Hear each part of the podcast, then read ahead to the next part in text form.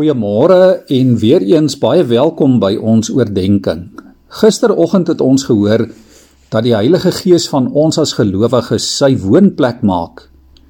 En dit is 'n geweldige groot gedagte. Maar die Heilige Gees maak nie net van jou sy woonplek nie. Hy maak ook van jou sy werkplek. Ja, jy het reg gehoor. Die Gees van God werk in jou en in my. Die vraag is natuurlik Wat werk die Gees in ons? En die antwoord is hy doen God se werk. Hy bewerk 'n hele reeks dinge in ons. Dinge soos ons roeping, ons wedergeboorte, geloof, bekering, regverdigmaking, heiligmaking, volharding en verheerliking. Die Heilige Gees vat ons saam op God se reddingspad met ons. En dit is net genade. As die Gees, liewe vriende, nie in ons werk nie, kan ons nie God se stem hoor wat na ons roep nie. En ons kan nie nuutgebore word nie. En ons kan nie glo nie en ons kan nie tot bekering kom nie. As die Gees nie in jou werk nie, kan jy nie in 'n verhouding met God lewe nie.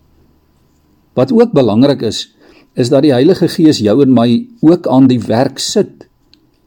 Ons loop die pad van redding saam met die Gees Maar die Gees dwing ons nie op hierdie pad nie.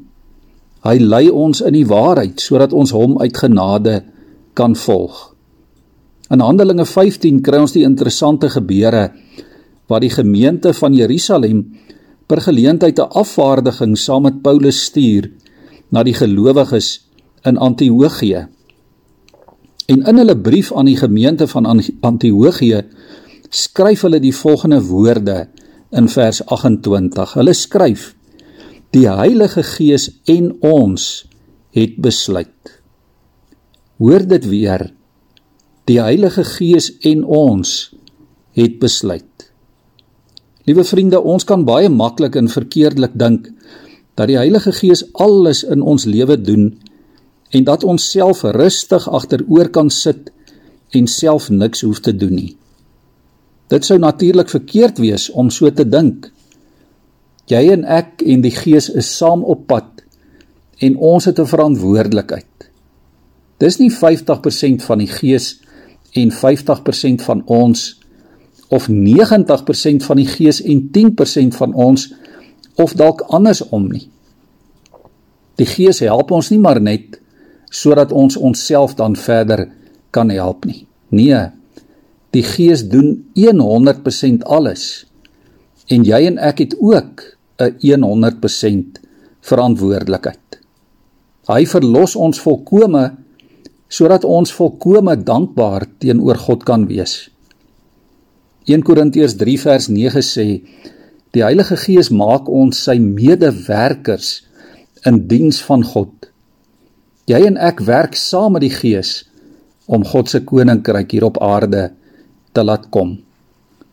Ek het een keer 'n baie mooi verduideliking gehoor van 'n seentjie wat sy pa se reistas gedra het. Sy pa was iewers heen op reis en op pad na die motor het die seentjie die tas gedra. En hy roep toe: "Kyk mamma, kyk. Ek dra pappa se tas."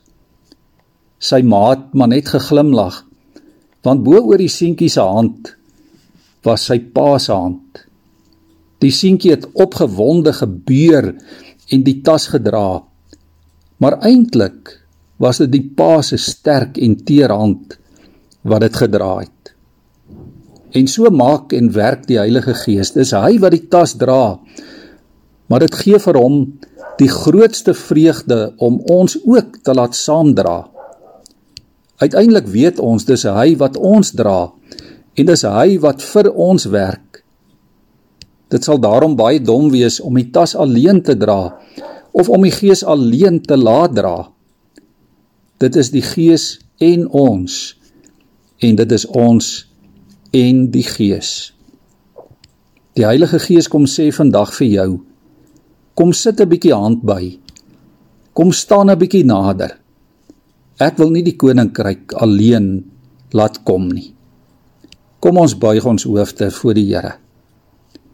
O Heilige Gees van God, dankie dat U in ons werk. Dankie dat U van ons U medewerkers maak. O Heilige Gees, gee dat ek vandag niks sal doen en niks sal besluit en niks sal aanpak sonder U nie. Dankie dat ons saam met U kan dra aan die reistasse van die lewe. Amen.